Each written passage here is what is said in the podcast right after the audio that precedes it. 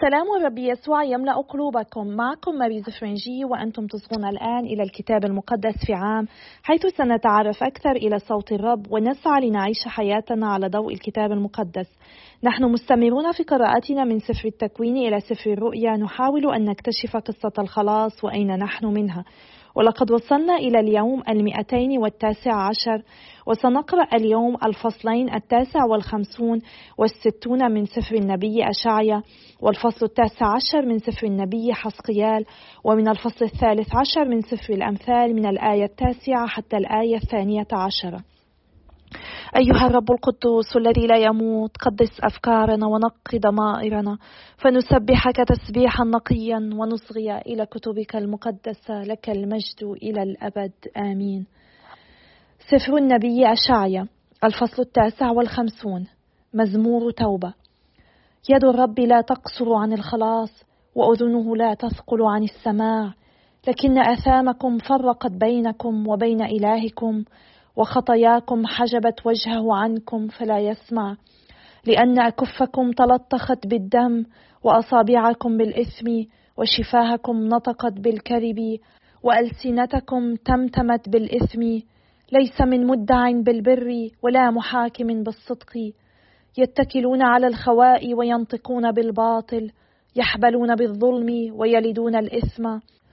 ينقفون بيض الحيات وينسجون خيوط العنكبوت وبيضهم من أكل منه يموت وما كسر منه ينشق عن أفعى. خيوطهم لا تصير ثوبا ولا يكتسون بأعمالهم لأن أعمالهم أعمال إثم وفعل العنف في أكفهم. أرجلهم تسعى إلى الشر وتسارع إلى سفك الدم البريء. أفكارهم أفكار الإثم وفي مسالكهم دمار وتحطيم. لم يعرفوا طريق السلام ولا حق في سبلهم. قد جعلوا دروبهم معوجة كل من سلكها لا يعرف السلام. لذلك ابتعد الحق عنا ولم يدركنا البر. نترقب النور فإذا بالظلام والضياء فإذا بنا سائرون في الديجور. نتجسس والحائط كالعميان وكمن لا عينين له نتجسس. نعثر في الظهيرة كما في العتمة ونحن بين الأصحاء كأننا أموات. نزأر كلنا كالأدباب وننوح كالحمام. نترقب الحق ولا يكون والخلاص وقد ابتعد عنا لأن معاصينا قد كثرت تجاهك وخطايانا شاهدة علينا. لأن معاصينا معنا وآثامنا قد عرفناها. العصيان والكذب على الرب والارتداد من وراء إلهنا. والنطق بالظلم والتمرد والحبل بكلام الكذب والتمتم به في القلب فارتد الحكم إلى الوراء ووقف البر بعيدا لأن الحق عثر في الساحة والاستقامة لم تقدر على الدخول وصار الحق مفقودا والمعرض عن الشر مسلوبا. وقد رأى الرب فساء في عينيه أن لا يكون حكم هناك ورأى أنه ليس هناك إنسان ودهش أن لا يتدخل أحد فذراعه هي أنجدته وبره وأيده. فلبس البر كدرع وخوذة الخلاص على رأسه وارتدى ثياب الانتقام لباسا وتجلبب بالغيرة رداء. على حسب الأعمال هكذا يجزي فالغضب بخصومه والانتقام لأعدائه. ويجزي الجزر الانتقام فيخشون من المغرب اسم الرب. ومن مشرق الشمس مجده فإنه ياتي كنهر منحصر تدفعه ريح الرب ويأتي الفادي إلى صهيون وإلى الراجعين عن المعصية من يعقوب يقول الرب. قول النبوي وأنا فهذا عهدي معهم قال الرب. روحي الذي عليك وكلامي الذي جعلته في فمك لا يزول من فمك ولا من فم نسلك ولا من فم نسل نسلك قال الرب. من الآن وللأبد. الفصل الستون. بهاء أورشليم. قومي استنيري فإن نورك قد وافى ومجد الرب قد أشرق عليك. ها إن الظلمة تغطي الأرض والغمام المظلم يشمل الشعوب. ولكن عليك يشرق الرب وعليك يتراءى مجده. فتسير الأمم في نورك والملوك في ضياء إشراقك. ارفعي عينيك إلى ما حولك وانظري. كلهم اجتمعوا وأتوا إليك. بنوك من بعيد يأتون وبناتك يحملن على الورك. حينئذ تنظرين وتتهللين ويخفق قلبك وينشرح. فإليك تتحول ثروة البحر وإليك يأتي غنى الأمم. كثرة الإبل تغطيك بكران مدينا وعيفة. كلهم من شبأ يأتون حاملين ذهبا وبخورا. يبشرون بتسابيح الرب. كل غنم قدار تجتمع إليك وكباش نبيوت تخدمك. تصعد على مذبح رضايا وأمجد بيت جلالي من هؤلاء الطائرون كالغمام وكالحمام إلى أعشاشها؟ إن الجزر تنتظرني وسفن ترشيش في المقدمة لتأتي ببنيك من بعيد. ومعهم فضتهم وذهبهم لاسم الرب إلهك ولقدوس إسرائيل لأنه قد مجدك. وبنو الغرباء يبنون أسوارك وملوكهم يخدمونك لأني في غضبي ضربتك وفي رضاي رحمتك. وتنفتح أبوابك دائما لا تغلق نهارا ولا ليلا ليؤتى إليك بغنى الأمم وتحضر إليك ملوكهم. لأن الأمة والمملكة التي لا تعمل لك تهلك والأمم تخرب خرابا. مجد لبنان يأتي إليك السرو والسنديان والبقص جميعا لزينة مكان قدسي وأمجد موطئ قدمي. وبنو الذين عذبوك يأتون إليك منحنين ويسجد لأخامس قدميك. كل من استهان بك ويدعونك مدينة الرب صهيون قدوس إسرائيل. وبدلا من أن تكوني مهجورة مكروهة لا يمر بك أحد. سأجعلك فخر الدهور وسرور جيل فجيل. وترضعين لبن الأمم وترضعين ثدي الملوك. وتعلمين أني أنا الرب مخلصك وفاديك عزيز يعقوب. آتي بالذهب بدل النحاس وآتي بالفضة بدل الحديد وبالنحاس بدل الخشب وبالحديد بدل الحجارة. واجعل قضاءك سلاما ومن طغاتك برا. لا يسمع من بعد بالعنف في أرضك ولا بالدمار ولا التحطيم في أرضك بل تدعين أسوارك خلاصا وأبوابك تسبيحا. لا تكون الشمس من بعد نورا لك في النهار ولا ينيرك القمر بضيائه في الليل بل الرب يكون لك نورا أبديا وإلهك يكون جلالك. لا تغرب شمسك من بعد وقمرك لا ينقص لأن الرب يكون لك نورا أبديا وتكون أيام مناحتك قد انقضت ويكون شعبك كله أبرارا وللأبد يرث الأرض هو فرع غرسي وعمل يدي وبه أتمجد. القليل يصير ألفا والصغير يصير أمة عظيمة أنا الرب أعجل ذلك في ميقاته سفر النبي حسقيال الفصل التاسع عشر رثاء رؤساء إسرائيل. وأنت فنادي برثاء على رؤساء إسرائيل وقل أمك يا لها من لبوءة بين الأسود. ربضت في وسط الأشبال وربت صغارها وأنشأت واحدا من صغارها فصار شبلا وتعلم افتراس الفريسة والتهام الناس. فسمعت به الأمم فأخذ في هوتهم. فقادوه بكاليب إلى أرض مصر فلما رأت أنها قد انتظرت وخاب أملها أخذت آخر من صغارها وأقامته شبلا.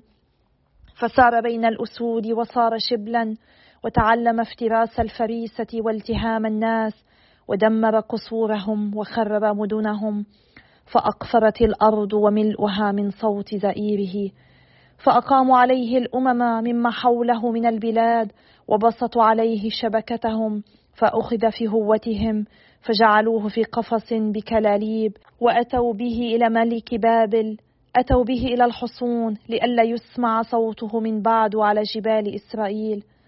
أمك كانت تشبه الكرمة غرست على المياه فصارت كثيرة الثمار والأفنان من غزارة المياه وصارت لها قضبان صلبة صوالجة للسلاطين وارتفعت قامتها بين الغيوم فنظروا إليها لارتفاعها وكثرة أغصانها. ثم إنها قلعت بغضب وطرحت على الأرض فأيبست الريح الشرقية ثمرتها وكسرت قضبانها الصلبة والتهمتها النار.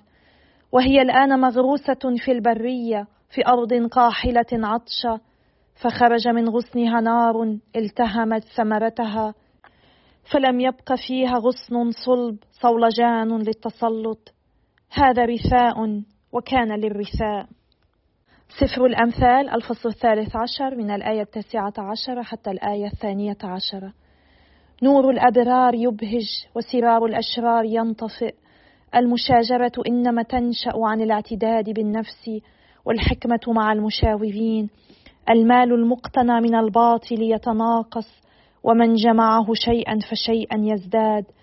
الأمل المماطل به يمرض القلب والبغية الحاصلة شجرة حياة. أيها الآب السماوي إننا نسبحك نمجدك نشكرك من أجل كلمتك نشكرك من أجل حضورك نشكرك من أجل حكمتك. نطلب منك يا رب أن تعطينا النعمة كي نتلقى حكمتك كي نقبلها. ونستفيد منها ولا نجعلها تمر بنا عبثا. نحن بحاجة لنعمتك وحكمتك يا رب كي نبني حياتنا عليك وعلى الحقيقة التي تريدنا أن نعيشها. باسم الرب يسوع نصلي باسم الآب والابن والروح القدس الإله الواحد آمين. كما لاحظنا سابقا سفر الأمثال يقدم لنا نصائح عملية. نقرأ أن مال الظلم يتبدد سريعا والمال المدخر من تعب اليد يزداد. وفي هذا تذكير لنا أنه علينا أن ننمو بالحكمة والثروة شيئا فشيئا كل يوم. علينا أن نتذكر أن المال هو ليس كل شيء. بعض الناس الاغنياء هم في حقيقتهم فقراء لأنهم مفلسون روحيا. بينما بعض الناس الفقراء ماديا هم أغنياء بالقناعة والاكتفاء. المال يأتي بالفرص والقوة ولكن له أيضا تأثيرات جانبية سلبية كثيرة. حياة مليئة بالامتنان والشبع أفضل من حياة مليئة بالمال. فلنواصل سيرنا في مسيرة الإيمان مع الرب ولنطلب منه أن يزيدها يوما بعد يوم. فيكون لدينا الإيمان والحكمة لتقبل كل شيء بغض النظر عن ظروف حياتنا التي نحن فيها. وهذا حقا يستحق منا أن نتأمل به أن نصغي لهذه النصائح ونبني حياتنا عليها. في سفر النبي أشعيا بقي لنا فقط أربعة أيام بعد اليوم وسننتهي من قراءة هذا النبي العظيم. فلنتذكر سياق كتاب سفر النبي أشعيا. هو يكرز لشعب سيرسل إلى المنفى سينهزمون وسيبدو أن الله لا يستطيع أن يفعل شيئا ولكنه سيعود ويخلصهم. هو سيعيدهم ولكن عليهم أن يتوبوا. في بداية الفصل التاسع والخمسون يوضح أشعيا أنه عندما نعتقد أن الرب لا يستمع إلينا إن خطايانا هي التي تفرقنا عنه. الخطيئة تغضب إلهنا القدوس وتفصلنا عنه.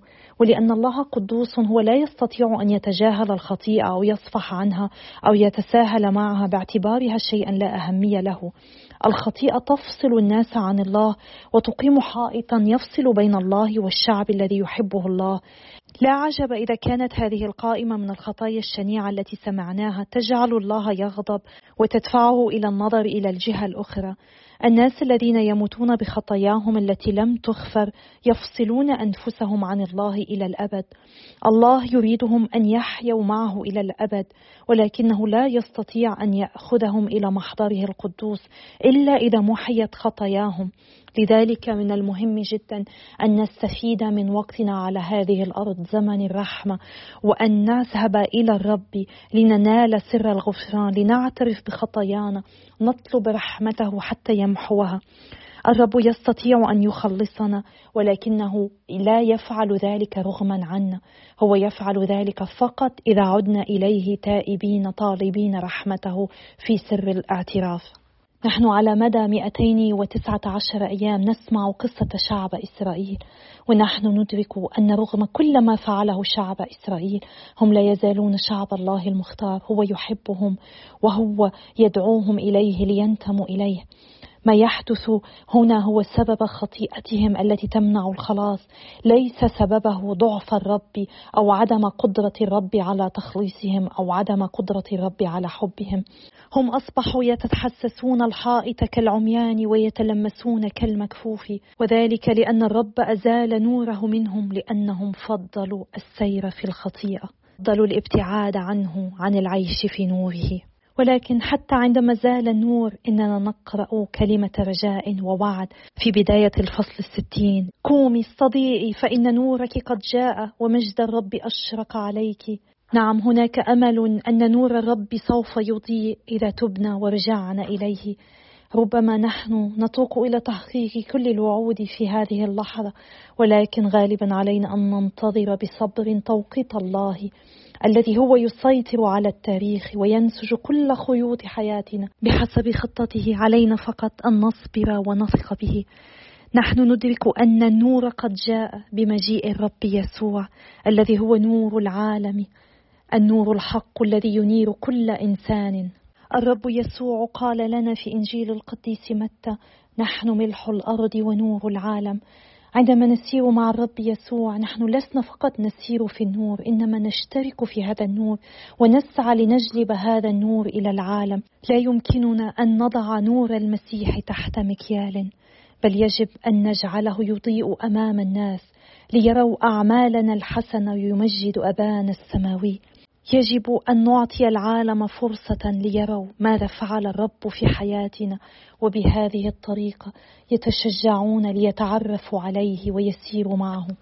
فلنتذكر مما قرأناه اليوم أن دعوتنا ليست فقط إلى التوبة بل لكي نكون نور العالم لكي نجلب هذا النور إلى كل الذين في ظلمة الابتعاد عن الرب يسوع.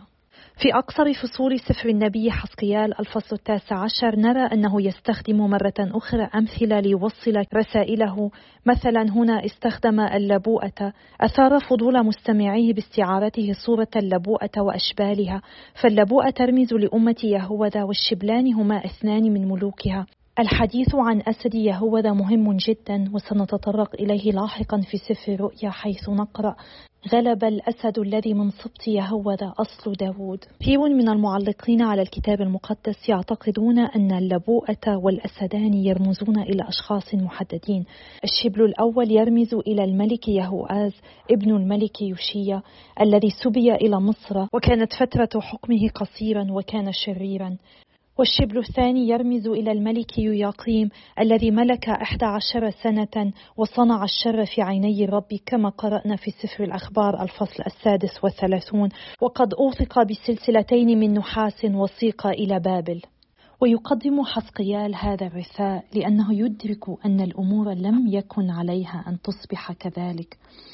الرب قد وعد شعبه بأنه سيبقى معهم. هو قطع عهدا لداود أن سلالته لن تنتهي وأن أحدا من نسله سيملك للأبد. وندرك أن المقصود هنا المسيح. منذ حكم الملك صدقيا وحتى الرب يسوع لم يكن يعرف أي شيء عن نسل داود. مئات السنين قد مرت وشعب إسرائيل يتساءل كيف سيحقق وعده الرب بمملكة أبدية متجذرة في سلالة داود. كانوا يسيرون في الظلمة يتساءلون ونحن هكذا أيضا مرات عديدة نجد أنفسنا نسير في الظلام ولكننا نعلم أننا إذا أمسكنا بيد أبينا هو سيقودنا إلى مكان النور. نحن لا نسير لوحدنا ولا نسير في ظلمة هذا العالم إذا كنا نسير مع الرب يسوع. فلنتشجع ولنستمر في هذه المسيرة. ولنقضي بعض الوقت اليوم نتأمل كيف نحن نجلب نور المسيح إلى هذا العالم. هل نحن نقضي وقتا كافيا مع الرب يسوع حتى ينعكس نوره من خلال كل واحد منا؟ هذه صلاتي لكل واحد منا. أنا أتشكركم على صلواتكم وتشجيعاتكم وإلى اللقاء غدا يوم آخر إن شاء الله.